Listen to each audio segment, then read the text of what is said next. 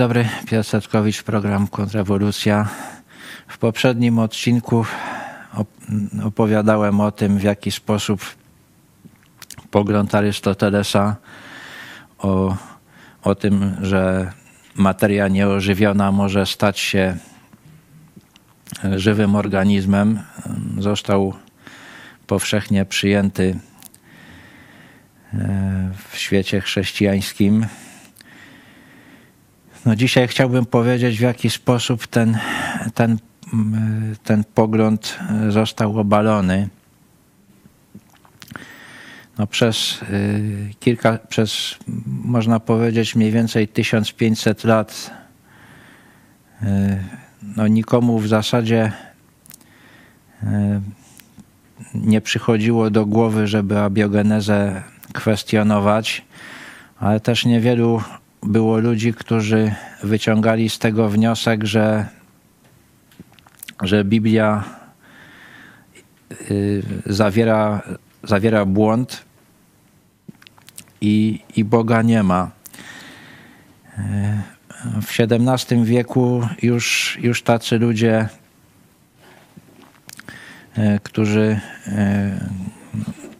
którzy byli ateistami, zaczęli tworzyć zaczęli pisać, zaczęli tworzyć traktaty e, filozoficzne. Ale też pojawili się ludzie, którzy, e, którzy ten, ten pogląd o tym, że, e, że niepotrzebny jest Bóg do tego, aby, aby powstało życie, uznawali za fałszywy, bo też no, no, takim tym jednym z pierwszych argumentów ateistów to było właśnie, była właśnie abiogeneza. Oni, oni no, wyciągali z tego, z tego wniosek, że skoro różne organizmy mogły powstać w sposób naturalny, że powstają w gruncie rzeczy, można powiedzieć, na naszych oczach wciąż z materii nieożywionej, no to po co, po co Bóg? No ale byli też ludzie, którym, którym to, to stanowisko nie odpowiadało i, i którzy uwa uważali, że, że taki ten pogląd o tym, o tym, że życie może samorzutnie powstać y, z materii nieożywionej jest błędny. No, człowiekiem, który, który z tego, co, co się orientuje, jako pierwszy y, zajął się na poważnie tą sprawą, był William Harvey. On jest znany przede wszystkim y, ze, z tego, że wyjaśnił, w jaki sposób działa krwiobieg człowieka ale też był zwolennikiem e,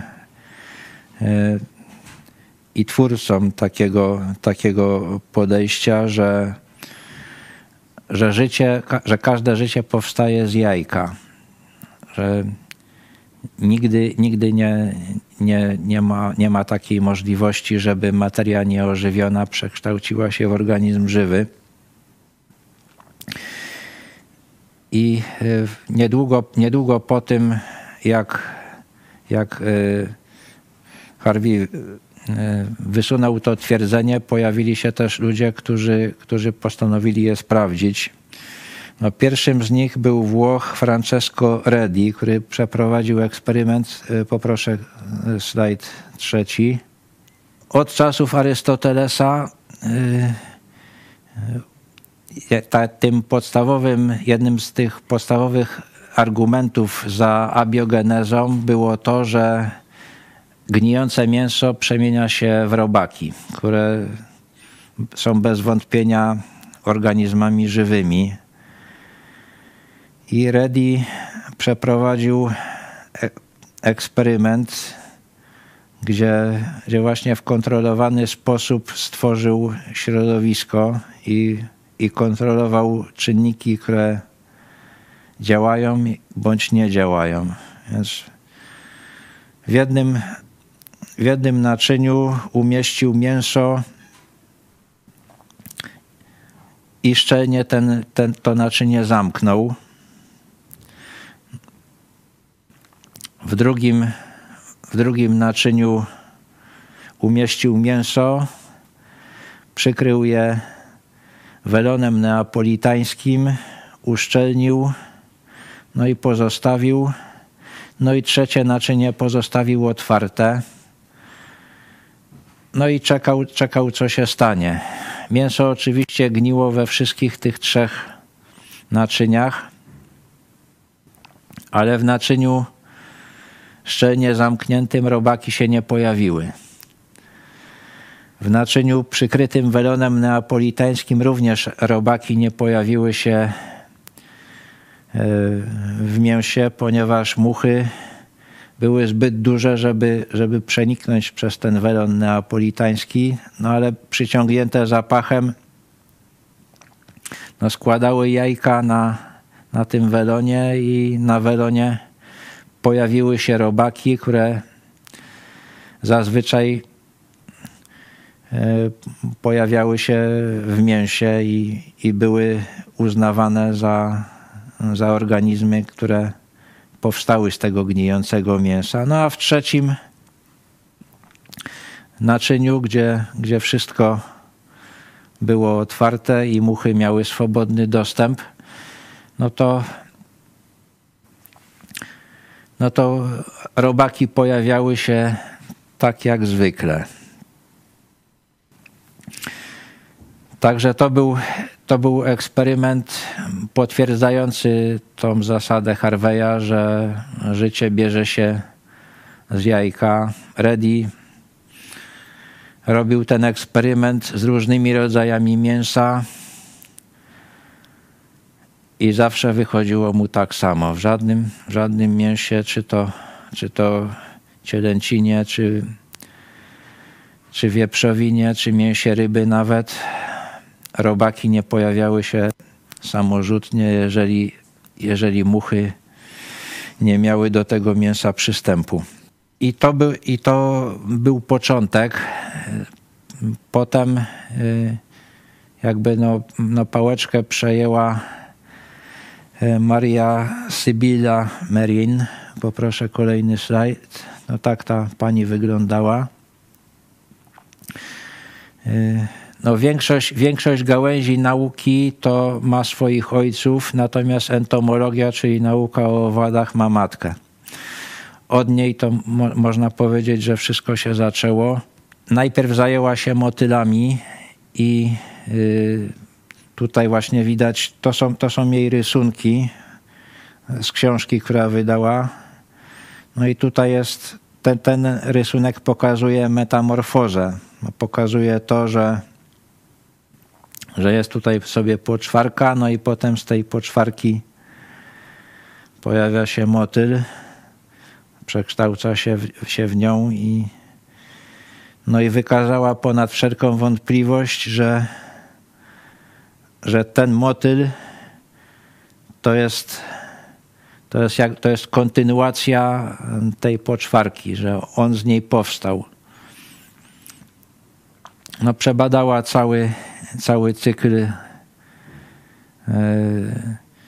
życiowy motyli, no i wykazała właśnie, że to, że tak jak, jak to postulował Harvey, no, na pewno jeżeli, jeżeli chodzi o życie motyla, to na pewno zaczyna się od jajka, że to jajko przekształca się w larwę, potem po, w poczwarkę, potem w postać dorosłą.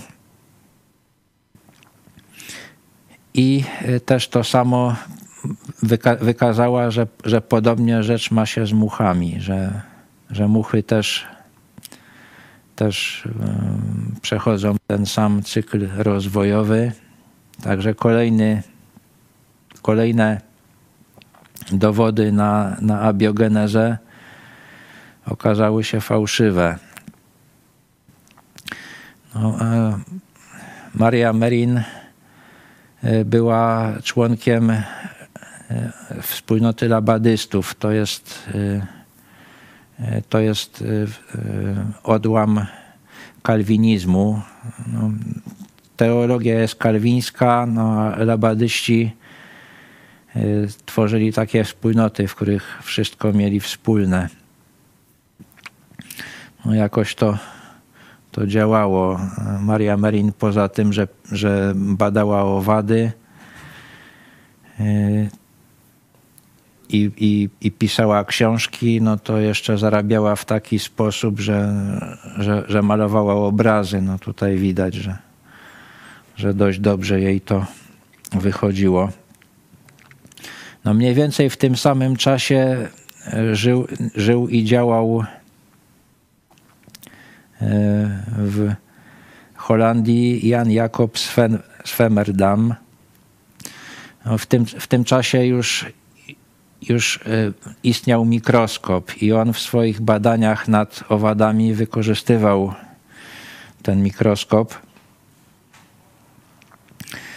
E, no i jeżeli, jeżeli chodzi o Marię Sybillę Merin, no to nie, nie udało mi się wyjaśnić, jakie, jakie były motywy jej działalności naukowej. Natomiast jeżeli chodzi o Swemerdama, to, to tutaj wątpliwości nie ma. On, on uważał, że pogląd o, o abiogenezie to jest bluźnierstwo, to jest to jest obraza Boga, który tylko sam jeden może stworzyć życie i, no i mm, swoje, swoje badania prowadził właśnie, właśnie w, tym, w tym celu, aby ten, ten pogląd obalić i nie krył tego, ponosił też spore, e, spore koszty żeby, żeby, te, żeby te swoje, żeby tą swoją działalność naukową prowadzić ku utrapieniu zresztą swojego ojca. Także on y, y, korzystał z mikroskopu i stwierdził, że i wykazał też, że Arystoteles w jeszcze jednej rzeczy się mylił. Bo Arystoteles twierdził, że te że owady i w ogóle organizmy, które powstają z materii nieożywionej, to mają bardzo prostą budowę, że w zasadzie nie mają żadnej anatomii. Federdam robił rysunki z tego, co widział pod mikroskopem. One się zachowały. Tutaj widzimy jeden z nich. To jest e, widok preparatu zrobionego e, z pszczoły, którą w jego czasach nazywano królem. Widzimy tutaj narządy rodne e, tej pszczoły. Okazało się, że jest to samica, że pszczoły nie mają króla ani królową. I okazało się też, że Arystoteles no, nie miał racji, twierdząc, że owady mają bardzo prostą budowę. Ta budowa jest niesamowicie skomplikowana, chociaż rzeczywiście gołym okiem dostrzec tego nie sposób. No on wziął pod mikroskop właśnie te e, różne owady, no i, no i stwierdził, że, że jak najbardziej owady anatomię mają i to naprawdę bardzo skomplikowaną. Także e, no, no takim, takim jego e, zdaniem, które które jakby utkwiło ludziom w pamięci, to było stwierdzenie, że, że nawet wesz jest przejawem mądrości Bożej. No i potrafił to, to wykazać właśnie pokazując niesłychanie skomplikowaną budowę nawet tak prostych organizmów jak owady. No, nie żył zbyt długo, zmarł mając 43 lata. E, wyniki badań e, Marii Merin i Swemerdama wykorzystał inny e, no, no, chrześcijanin, myślę, duchowny anglikański John Ray. On w XVII wieku no, wygłosił taki odczyt na, na temat abiogenezy w, w, w Royal Society, czyli, czyli w Królewskim Towarzystwie Naukowym. No tam stwierdził, że abiogeneza to jest to jest y, y, metoda, którą ateiści próbują wyjaśnić istnienie ludzi i, i zwierząt w taki, w taki sposób, aby, aby nie było konieczne uznanie Boga i, no i stwierdził, że, że, że ten, ten sposób tłumaczenia faktu istnienia organizmów żywych jest, jest fałszywy i, i śmieszny. Także abiogeneza, że, że tak powiem, zachwiała się mocno pod tymi ciosami, ale to nie oznaczało, że, że straciła wszystkich zwolenników i, i, i wykazano już w sposób bezsporny, że, że ona jest fałszywa. Bo innym takim, takim dowodem na, na to, że ona istnieje, że ona e, istnieje no to były, były zdaniem wielu grzyby. No uważano, że grzyby powstają samorzutnie, że e, z martwej materii organicznej w lasach, że to jest tak, że, że jakieś tam liście czy, czy igły gniją sobie w lesie, no i one się przekształcają samorzutnie w grzybnie, no a potem grzybnia e, staje, staje się grzybem. No i już, już w wieku XVIII w roku 1714 Włosi Luigi Ferdinando Marsili i Giovanni Maria Lanci opublikowali traktat o pochodzeniu grzybów, no, gdzie wykazali, że to, że to tak nie jest, że, że mm, co prawda może grzyby nie mają, nie, nie, nie powstają z jajka, ale powstają z zarodników. Także, także kolejny Kolejny dowód na abiogenezę upadł. No ale pojawił się, pojawił się następny, także no, zwolennicy tego poglądu, że, że jednak może, może życie powstawać samorzutnie, bardzo się zainteresowali bulionem. John Taberville Nithem i i hrabia Georges Louis Leclerc de Buffon przeprowadzili badania z bulionem, no i też używając e, e, mikroskopu wykryli w bulionie mikro, mikroorganizmy. No i też e, mieli, mieli nadzieję, że że te, że te mikroorganizmy to, to są y, no to, to jest bulion, który pozostawiony sam sobie przemienił się właśnie w, w te mikroorganizmy. No i no a jeżeli, jeżeli mikroorganizmy mogą powstawać samorzutnie, to, no to być może, być może też nie tylko one. Także to ten, e, ten dowód dosyć szybko został, został zaatakowany przez Lazaro Spalanciego, który przeprowadził ten, ten podobny eksperyment jak Nidem i Buffon, czyli ugotował bulion, tylko go szczelnie zamknął. Nie dał dostępu powietrzu. No i Niezależnie od tego, jak długo taki szczelnie zamknięty bulion był pozostawiony, no to nie chciał mętnieć, czyli nie pojawiały się w nim żywe organizmy. Jednak to jeszcze nie, e, nie był koniec e, walki z samorództwem, ponieważ zwolennicy tego poglądu stwierdzili, że, że to nie musi być tak, jak to Spalancani powiada, że, że te organizmy żywe dostały się do bulionu z powietrza. No wtedy jeszcze, jeszcze no nie było tej powszechnej świadomości, ile różnych drobnoustrojów w powietrzu się znajduje. I że może mogło być tak, że, że po prostu do, do tego, żeby zaszła abiogeneza, potrzebny jest bulion i powietrze. E, czemu bulion dał taką nadzieję zwolennikom abiogenezy?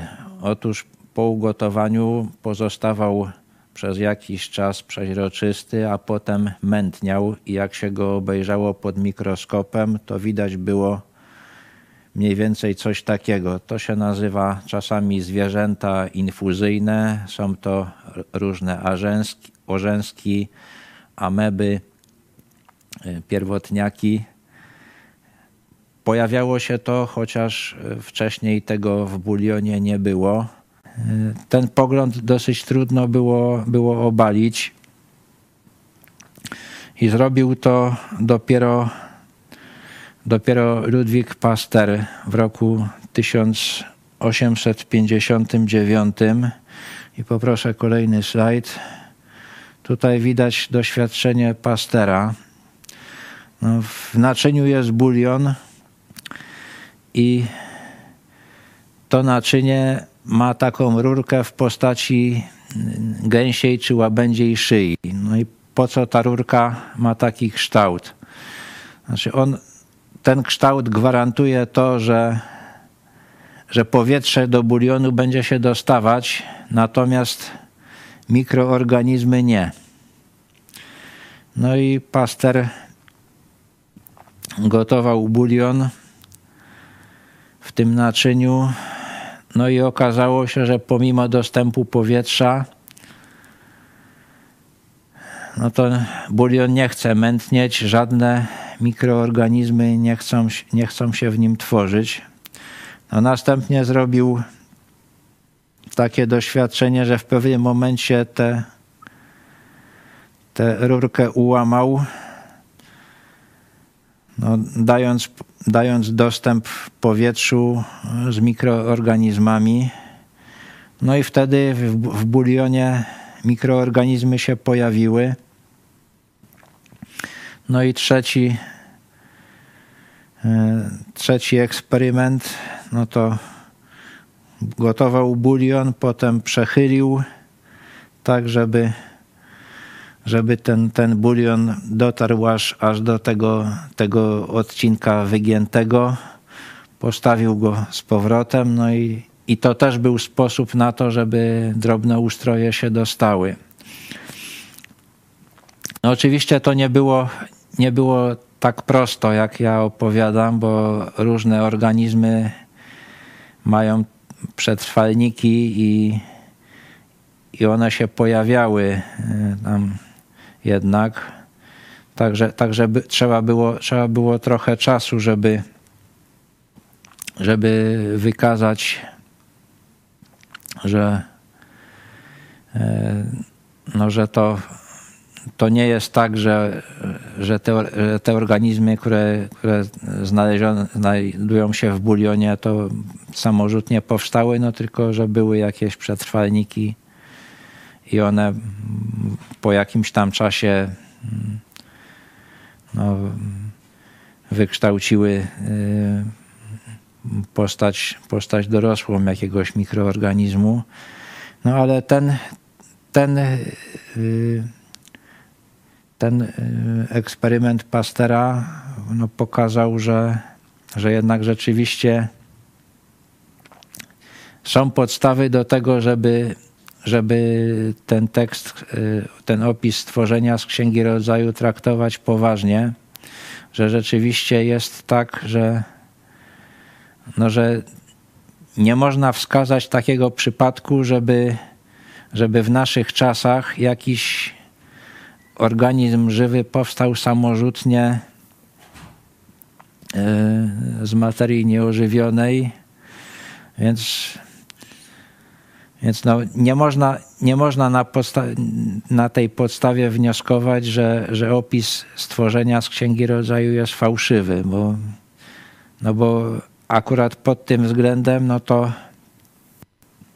no to rzeczy się mają tak, jakbyśmy oczekiwali, gdyby ten, gdyby ten opis był prawdziwy. No, Bóg odpoczął od, od stwarzania nowych bytów, no i żadne, żaden organizm, nawet najmniejszy samorzutnie nie powstaje. Także też zmodyfikował, można było zmodyfikować tą teorię Harveya, że nie tyle każdy, ka, każdy organizm żywy powstaje z jajka, bo niekoniecznie to musi być jajko, ale, ale mm, na tą zasadę, że od tej zasady, że każdy organizm żywy powstaje z innego organizmu żywego, wyjątków jak do tej pory nie znaleziono.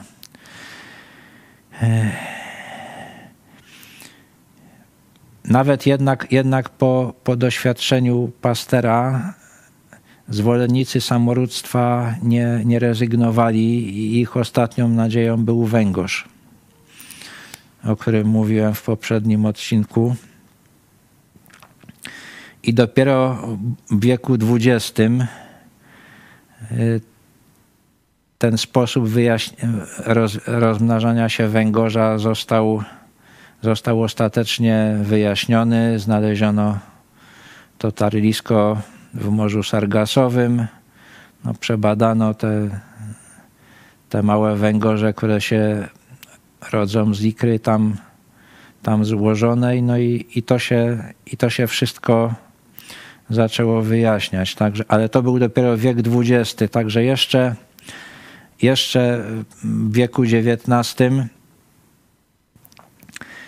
podawano i to, i to podawali e, szacowni skądinąd naukowcy, te, te dwa przykłady abiogenezy, czyli węgorza oraz ropuchę.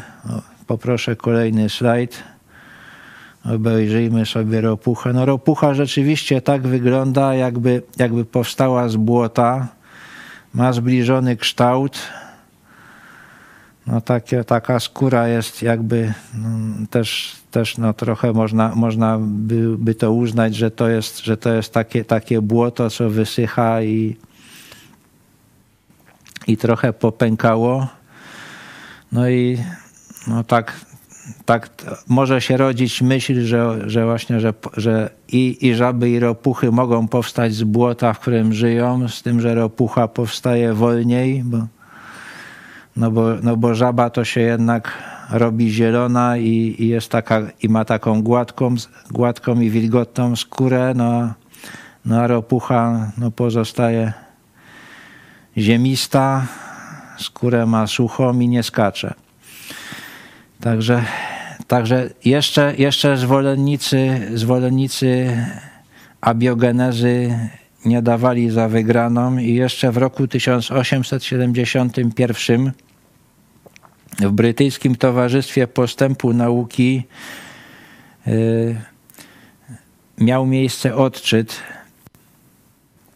y, poświęcony temu, czy czy samorództwo może zachodzić, czy nie może zachodzić. I, nie było wniosku, że, że to jest absolutnie niemożliwe. No, żeby było śmieszniej, to to, to towarzystwo zostało założone przez Williama Venabla Vernon Harcourta, też, też duchownego anglikańskiego.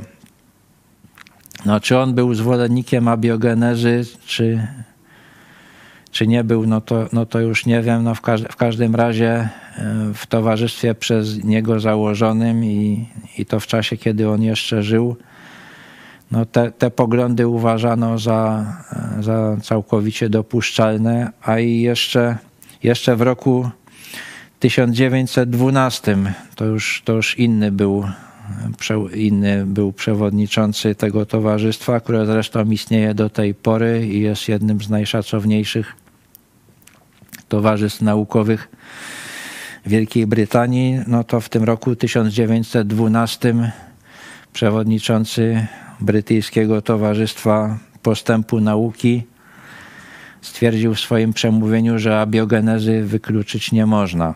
Historia, którą przedstawiłem, dowodzi, że dojście do prawdy w nauce nie jest rzeczą prostą. Czasami jest tak, że e, fakty zdają się e, popierać jedną hipotezę, a dopiero po zbadaniu ich dokładnie okazuje się, że jest wręcz przeciwnie.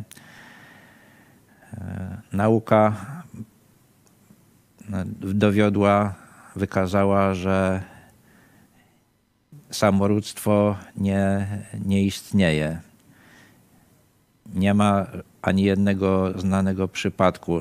Mimo to samorództwo wróciło, bo takim domknięciem teorii ewolucji było stwierdzenie, że pierwotne życie, które potem ewolu ewoluowało w formy bardziej skomplikowane, właśnie powstało z materii nieożywionej, czyli czyli że jednak abiogeneza w przeszłości miała miejsce. Jest, jest ciekawa, ciekawa zbieżność, że w roku 1859 Ludwik Pasteur, skądinąd człowiek głęboko wierzący, przeprowadził to doświadczenie wykazujące, że jednak organizmy nie tworzą się samorzutnie w bulionie, no i w tym samym roku Karol Darwin ogłosił teorię ewolucji.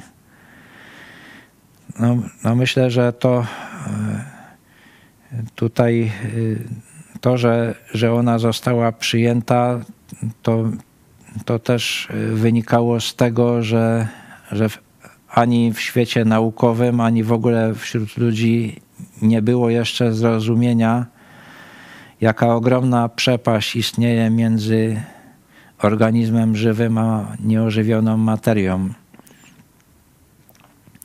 No już, już co prawda, co prawda był mikroskop i w mikroskopie można było zobaczyć, jak, jak, złożone, jak złożoną budowę ma, ma czy pszczoła, czy,